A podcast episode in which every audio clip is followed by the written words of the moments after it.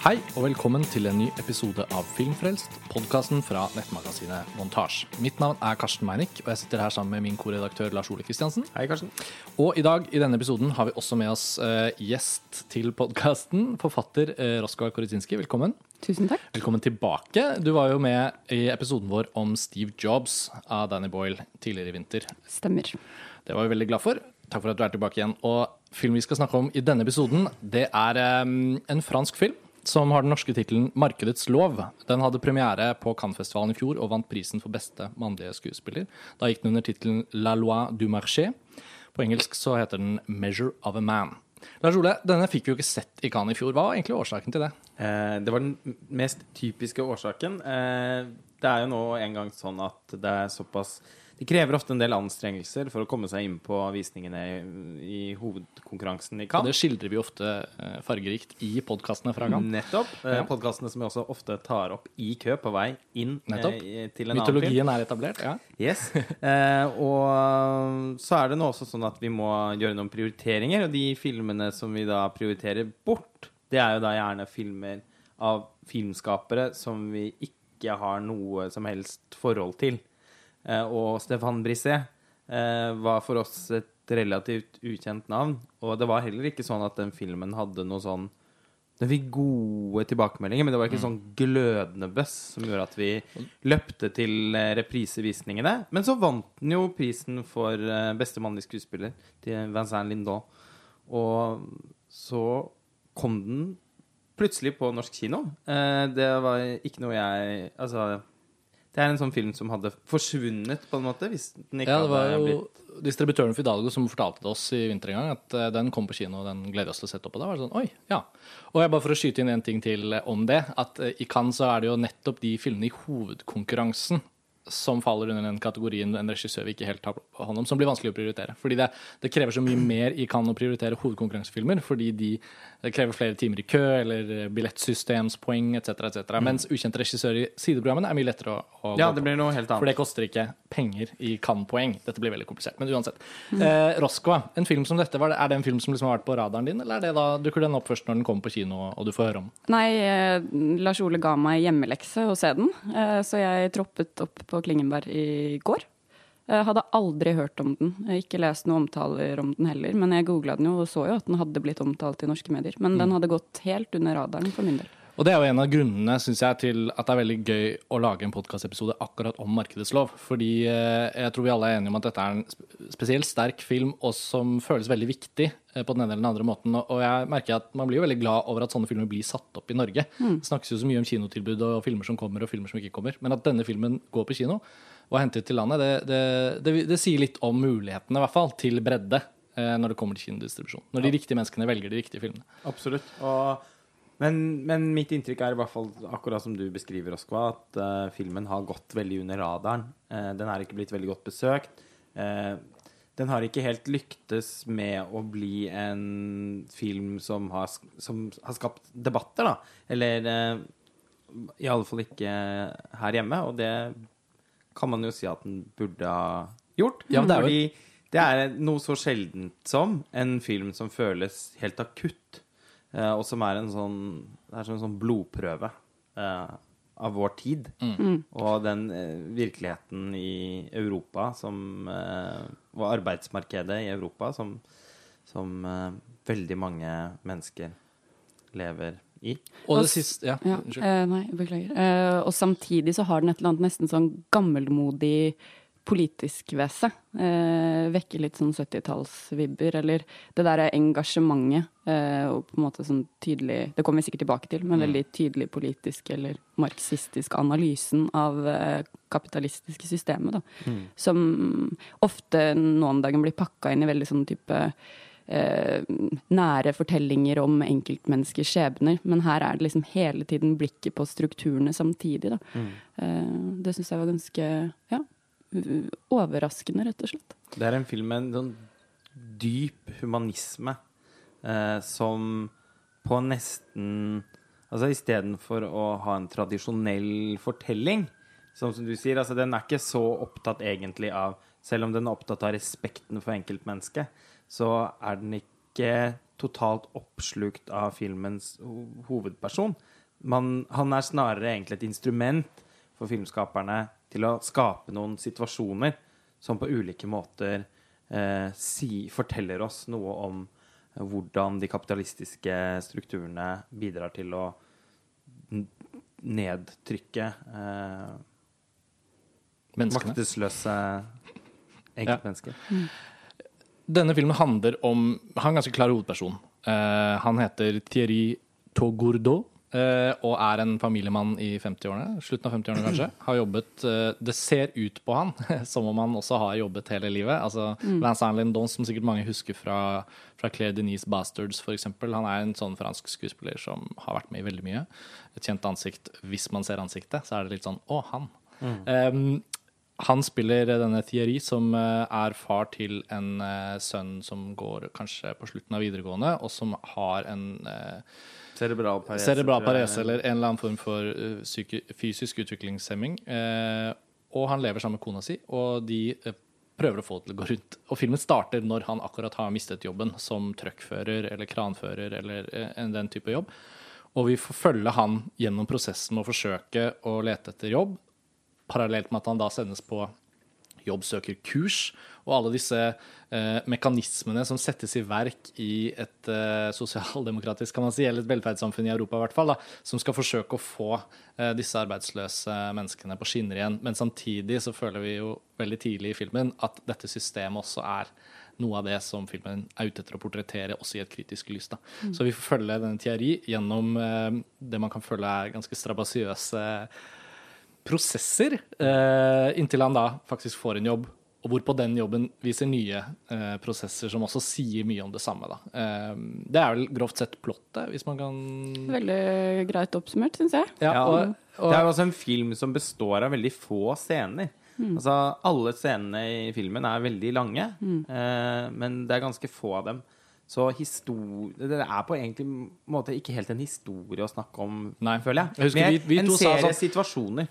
Hvordan klipper man en trailer til denne filmen? Husker jeg vi sa etter, for det er, sånn der, det er ikke så mye å ta av, på en måte. Når man har sett filmen, så er det ikke noe vanskelig å snakke om den og, og formidle hvorfor man syns den er god, og prøve å anbefale den. Men tenke liksom Den tar jo opp nettopp eh, markedsstrukturer og, og, og kapitalismens krav, kan man si. Markedets lov. Hvorpå et markedsføringsmateriell som en trailer paradoksalt nok føles som et sånn misforstått verktøy for en historie som dette. Nettopp fordi den er så konsentrert om hvordan de enkeltscenene skal fortelle oss om det hovedpersonen går igjennom. Og da må de ha den lengden. Altså, det var jo vanskelig å ikke tenke på en annen film med lange scener, 'Blå er den varmeste fargen'. Ja, Eh, det. Selv om de to filmene handler om veldig veldig forskjellige ting, så er det noe med et slags sånn Det virker som det er en ny form for eh, realisme, kan man si, som, som stiger ut av Som er lett å se i en del franske filmer. Både hos Abdelatif Keshish i 'Blå er den varmeste fargen' og, og her hos han Stefan Brisé, da.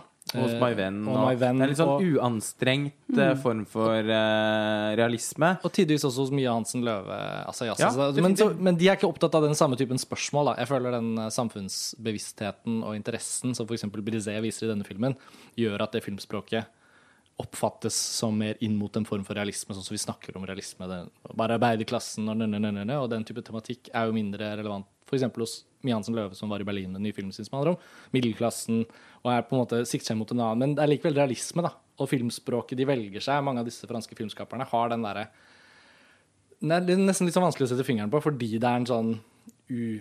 de- er både der med et kamera som er veldig presist tenkt for å liksom fange inn den i hermetegn realistiske verden liksom er pekt mot, uten å være påtatt og uten å være for eh, hva skal man si, utstudert. da. Ja, fordi de som kjennetegner en del av de franske realistiske filmene fra de siste ti årene, er at de ikke har en sånn De, skap, de gjør ikke realismen til en estetikk. Sånn som eksempel Andrea Arnold gjør i sine filmer, eller eh, Ja, altså Lucas Modisson for den saks skyld. Altså de jobber ikke med liksom kornete tekstur og håndholdt kamera. Og, jo, altså det kan være elementer av håndholdt kamera, selvfølgelig, men de gjør ikke noe vesen ut av seg. Det er veldig menneskene som står eh, litt sånn uforstyrret eh, i sentrum, da. Det er jo blå er den varmeste fargen, liksom det rene, reneste, edleste, holdt jeg på å si, eksempler på. Men helt klart at, den, at denne filmen tilhører en, en viss sånn tendens i, i fransk film. Men jeg føler at vi nesten må begynne å snakke om noen av de situasjonene i filmen, fordi Eh, Absolutt. Det gir veldig klart bilde også av hva slags film det er. Ja. Hvor skal vi begynne? Ja, hvor skal vi begynne? Uh, skal man begynne Altså, man kan jo nesten begynne med åpningsscenen. Uh, men, men den scenen som på en måte kanskje festa seg uh, tydeligst i meg Eller det var to scener, og den første er da denne hovedpersonen, Thierry, er på en slags sånn nav På et Nav-kurs, hvor de filmer hverandre og skal øve seg på å være i jobbintervju. Eh, og så kritisere hverandre etterpå, eh, for å gjøre hverandre sterkere og bedre. Og den scenen er altså Den er jo hysterisk morsom.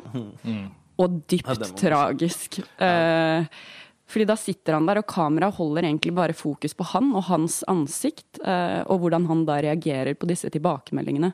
Og dette er jo en fyr da som sliter ekstremt økonomisk, og han har ikke hatt jobb på 15 måneder. Eh, og skal liksom sitte der og være sporty i denne situasjonen. Og altså, de, det er et sånn karakterdrap uten sidestykke. Alt er galt med han, da, ifølge disse andre likesinnede som sitter rundt bordet og skal gi han veiledning. Det er kroppsspråket, det er eh, blikket hans, det er måten han snakker på, det er hvordan han er kledd, og ikke minst hvordan han sitter i stolen. Alt dette er veldig problematisk, og de slår fast på slutten av denne veldig lange scenen at ingen av dem ville ansatt han. Eh, og han sitter der liksom og skal ta imot og være ydmyk, og, og så er det på et tidspunkt at en av dem sier ja, men han har i hvert fall en dyp og vakker stemme. Og da ser du at denne hovedpersonen liksom løfter seg litt i stolen og tenker liksom ja, ok, da fikk han i hvert fall det. Men så er det en som skyter inn fra sidelinjen.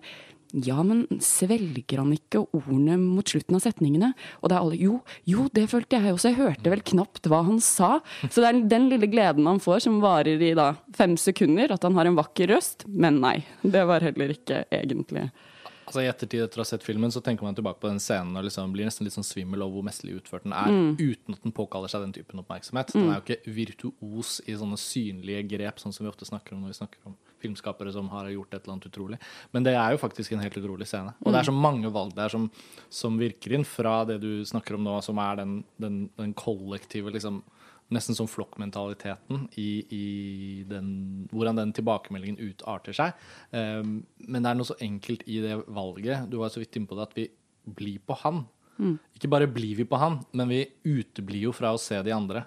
Og det er noe med det ansiktsløse møtet han hele tiden har med utenomverden.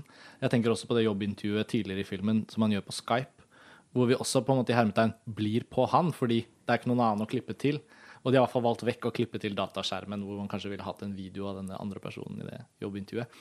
Så han, eh, jeg føler liksom at i så mange sårbare situasjoner så får vi se han, og det, og det topper seg jo i det, den scenen vi snakker om da. At han liksom står klar for å liksom mm, jeg, jeg kan gjøre hva som helst. Jeg trenger en jobb. Jeg, jeg skal sikre inntekten sånn at familien min, sønnen min at liksom, Han har alt på stell, egentlig. Men det ansiktsløse samfunnet, da, mekanismene, de bare liksom De bare liksom elter han og knar han ned i liksom knestående. Og det, og det er jo på slutten av den scenen hvor man virkelig tenker altså, hva gjør han nå, liksom? Kan han svelge unna enda mer av det her? Mm. det morsomme også, synes jeg, at den scenen Den tegner egentlig en situasjon som nesten alle kan kjenne seg igjen i. Fordi selv om man ikke har vært på Nav-kurs, så har man vært borti en del situasjoner der hvor man Gjerne sånne litt sånn kunstig, konstruerte situasjoner i skolesammenheng og sånn, hvor man skal gi hverandre tilbakemeldinger og kritikk. Eh, jeg opplever ganske ofte f.eks. at studentene mine på Høgskolen i Lillehammer, eh, når vi skal ha seminar, og det er en del av oppgaven at de skal gi hverandre konstruktive tilbakemeldinger, så er det noen som ikke helt skjønner den balansen mellom F.eks. hvis det er en av studentene som har skrevet en helt sånn overveldende god tekst. Eh, så, og, og skal få tilbakemeldinger. Og med kritiske tilbakemeldinger så mener man jo også på en måte positive eh, tilbakemeldinger.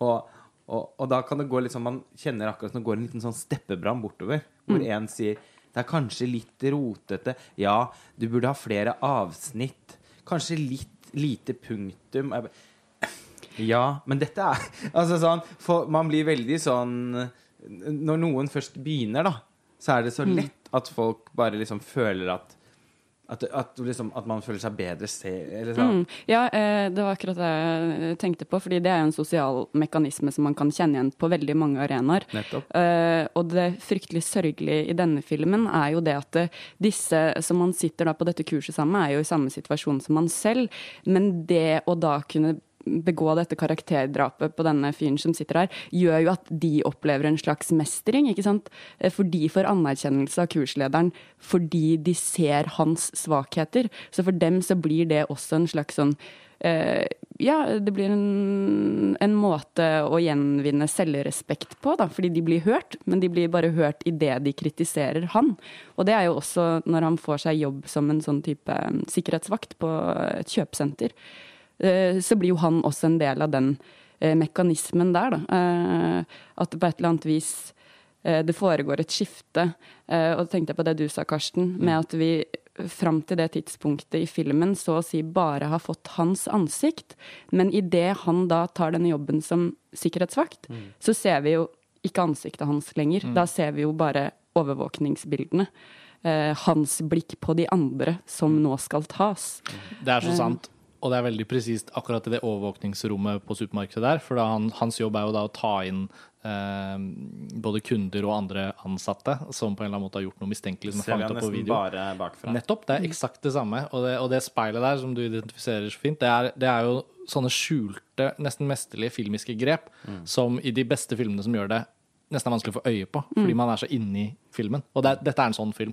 Eh, og heldigvis fikk den jo på en måte en pris i Cannes i fjor, da, men det er sånn rart å tenke på hvor, hvor middels bøssen. Altså sånn, da vi endelig fikk sett den, så var jo noe av det første vi sa til hverandre, var liksom Tenk at denne faktisk var så bra!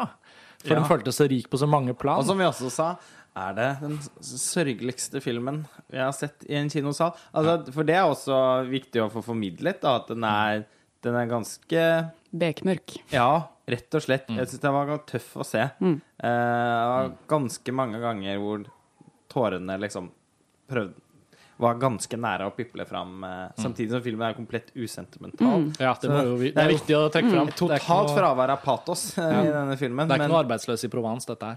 Mm, Nei, definitivt ikke.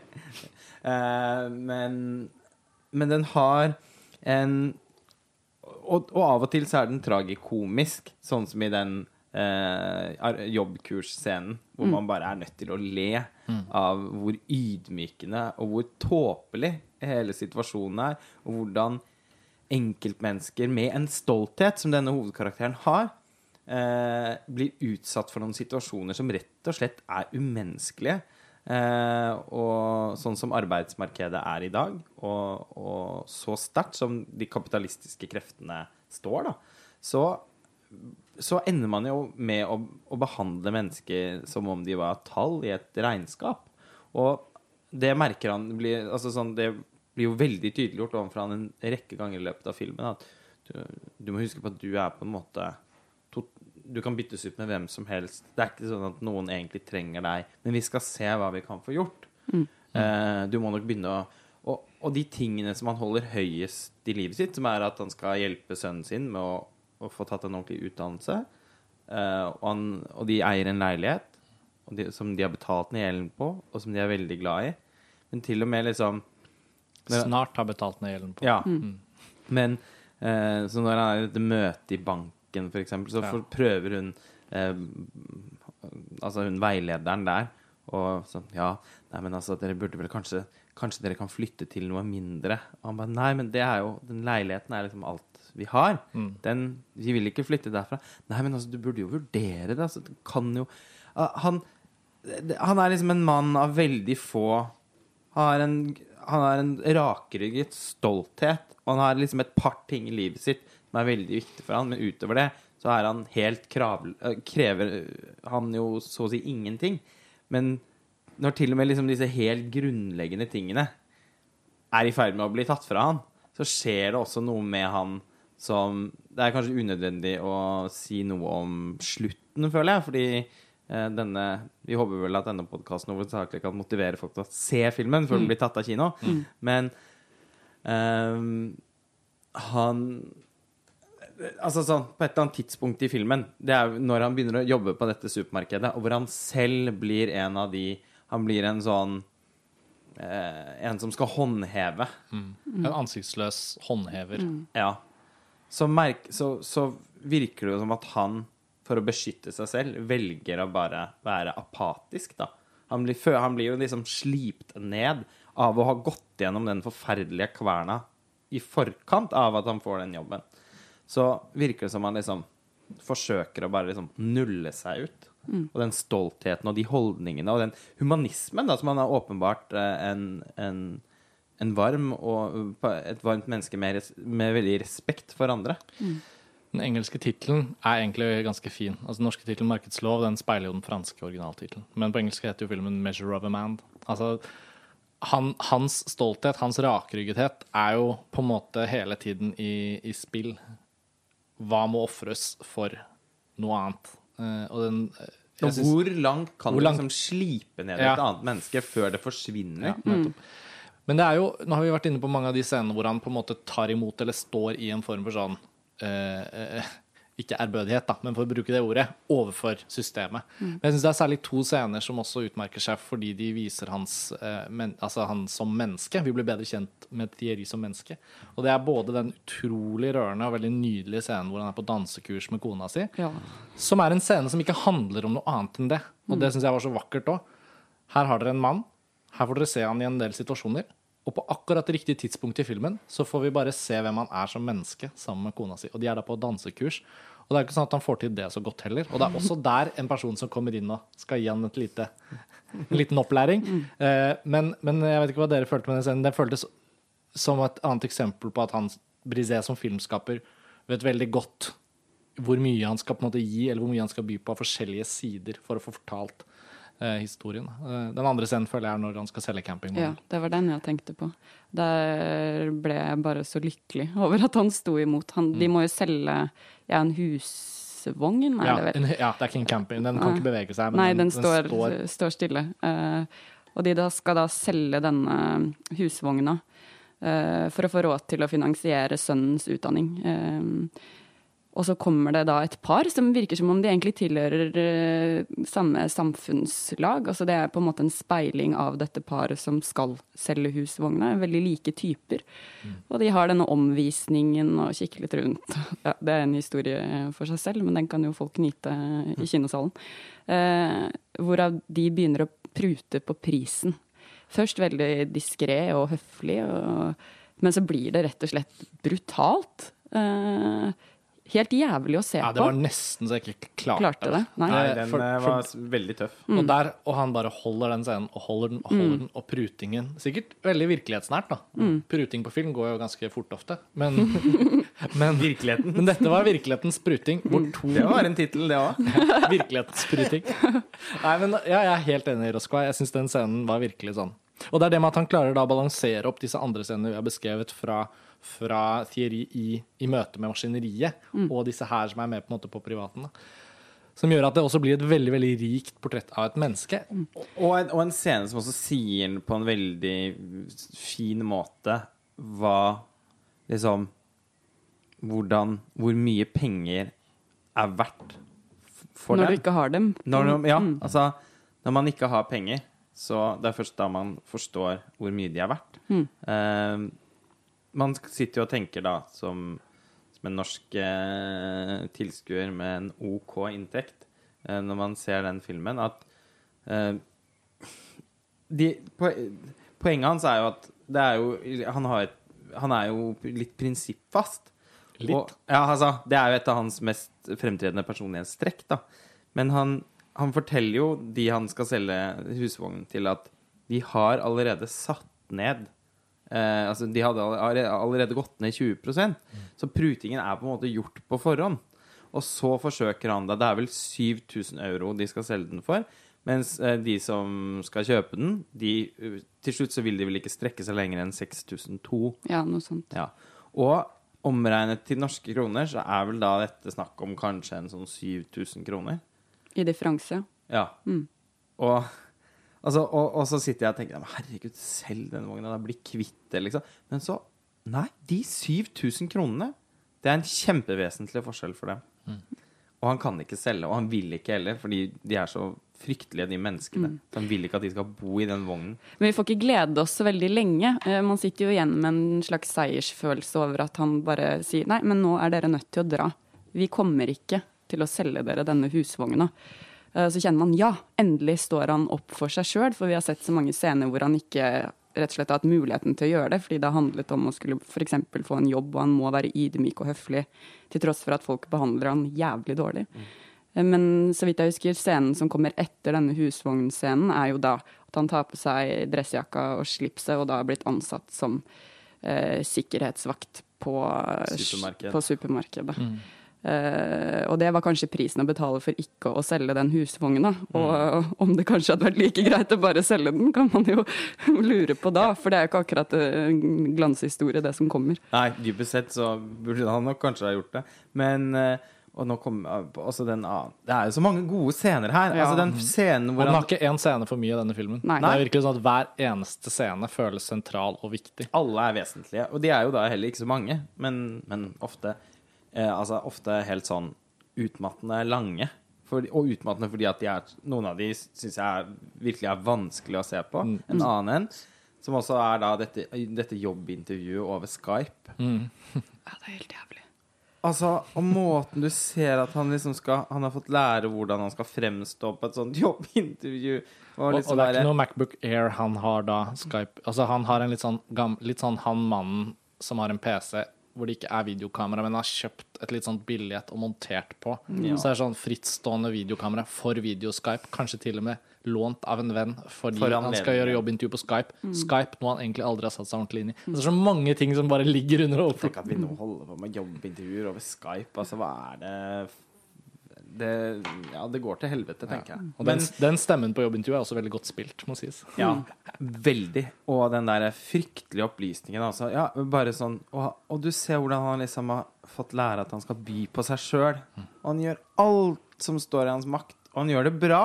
Jeg tenker at han svarer perfekt på alle spørsmålene han blir stilt. Han klarer å formidle at han er eh, løsningsorientert og åpen for nye oppgaver. Altså alt. Og likevel så får han beskjed til slutt. Ja, mm, mm, ja, vi bare sånn så du ikke gleder deg for tidlig nå, så må jeg bare si at det er ekstremt liten sjanse for at du får denne jobben. Men, uh, Men takk for nå. takk for at du, at du stilte opp. Så, så hører du Men kommer dere til å ringe? Nei, eh, du, du får en e-post. Og alt er så sant. Det er jo sånn det er. Og noe annet jeg syns er utrolig flott med denne scenen, er eh, ganske tidlig i jobbintervju så sier den ansiktsløse mannen på Skype eh, ja, jeg vil bare nevne det for deg. Det er rett og slett bare fordi jeg tenker at du kan ha godt av å høre det. Det er det at CV-en din er veldig dårlig skrevet. Eh, du burde nok jobbe litt mer med språket ditt, og det er veldig uklart den presentasjonen du har av deg selv. Og jeg, den scenen fanger så godt noe som går igjen i hele filmen, og det er det her eh, med den skjeve maktbalansen som ligger der, og allikevel at de som på en måte sitter på makta, eh, prøver å skape en slags illusjon om at det er to likeverdige parter som møtes. At det skal være den derre ja, men nå kan vi være litt ærlige med hverandre, mann til mann, eh, og gir sånne såkalte velmenende råd som egentlig bare er å trykke, folk enda dypere ned i søla. Mm.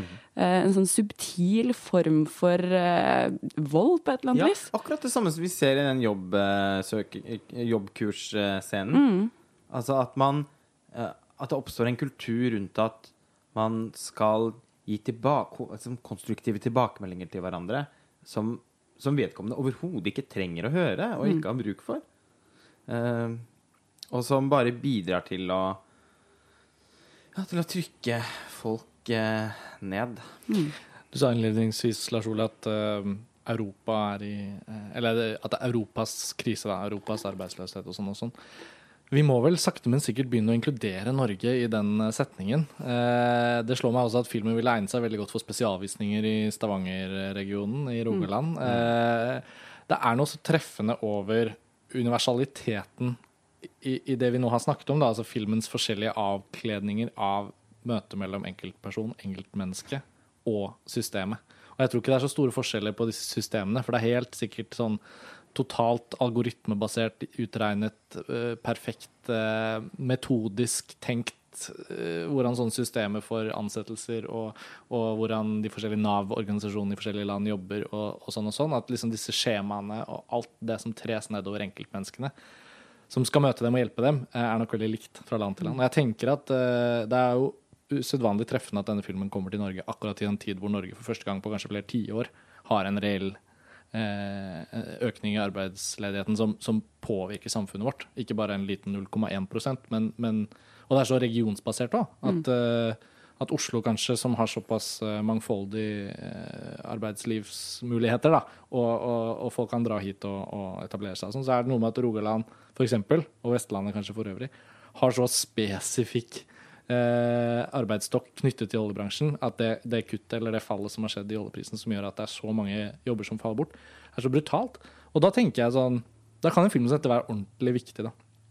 Og det, der må være lov å håpe at kanskje det fins sånn kreative formidlere rundt omkring som kan, kan hente denne filmen opp eh, i de miljøene hvor, hvor kanskje fortellingen responderer enda mer personlig for de som går og ser den. Men uh, det må virkelig skytes inn at dette er en veldig varm anbefaling for oss, og, fra oss. Og hadde skjebnen villet det litt bedre i fjor i Cannes, så hadde vi kanskje vært på denne filmen tidligere. Men eh, bedre sendt enn aldri. Jeg tenker at man burde arrangere sånne fellesvisninger for alle som jobber på Nav. Mm. De Ja. burde gå og se en markedets lov. Ja. Altså intern ja, firmavisninger er for, for de ansatte. Ja. Mm, og det er lagt opp til et seminar med diskusjoner om filmen etterpå. Mm. Ja, det, er en film som virkelig kan brukes. Eh, ikke Den kulturelle skolesekken, kanskje, og ikke heller Den kulturelle spaserstokken. Men kanskje den Den kulturelle Det fins. Det heter det. Ja, ja. Eh, men kanskje, den, kanskje man hadde trengt den, Nei, man den kan ikke vise den til skoleungdom, da får de jo ikke lyst til å leve lenger. Nei, da, da, da får de aldri lyst til å gå på kino igjen, kanskje. Nei, jeg tror men, heller. Men, men uh, den kulturelle. Altså den kulturelle arbeidslivsrulletrappen. jeg vet ikke hva man skal finne på. Ja. Men i hvert fall, det, er, det føles som en betydningsfull film når man har sett den, men det er kanskje ikke en så lett film å, å sette seg ned og se hvis ikke man får den riktige veien inn i den. Da. Så la oss håpe at denne samtalen kan på en eller annen måte være til hjelp. Jeg syns det var veldig fint å få snakket eh, om filmen sånn som dette. Um, vi bestemte oss for å begrense oss til en halvtime, og nå har vi for så vidt brukt opp tiden. Men uh, Markedets lov går på kino, uh, i hvert fall i Oslo og sikkert i et par av de andre storbyene òg. Og, og dere får bare notere den, kjære lyttere. Det er en, det er en veldig spesiell filmopplevelse. Og det er ikke en lengre film enn Den er 90 minutter lang. Det er ikke sånn, Nå har det kanskje virket som om den har veldig lange scener, og det stemmer jo, men det er ikke en lang film. Nei. Og den er også utmerket som en dobbeltbill med To dager, én natt til Dardenne-brødrene.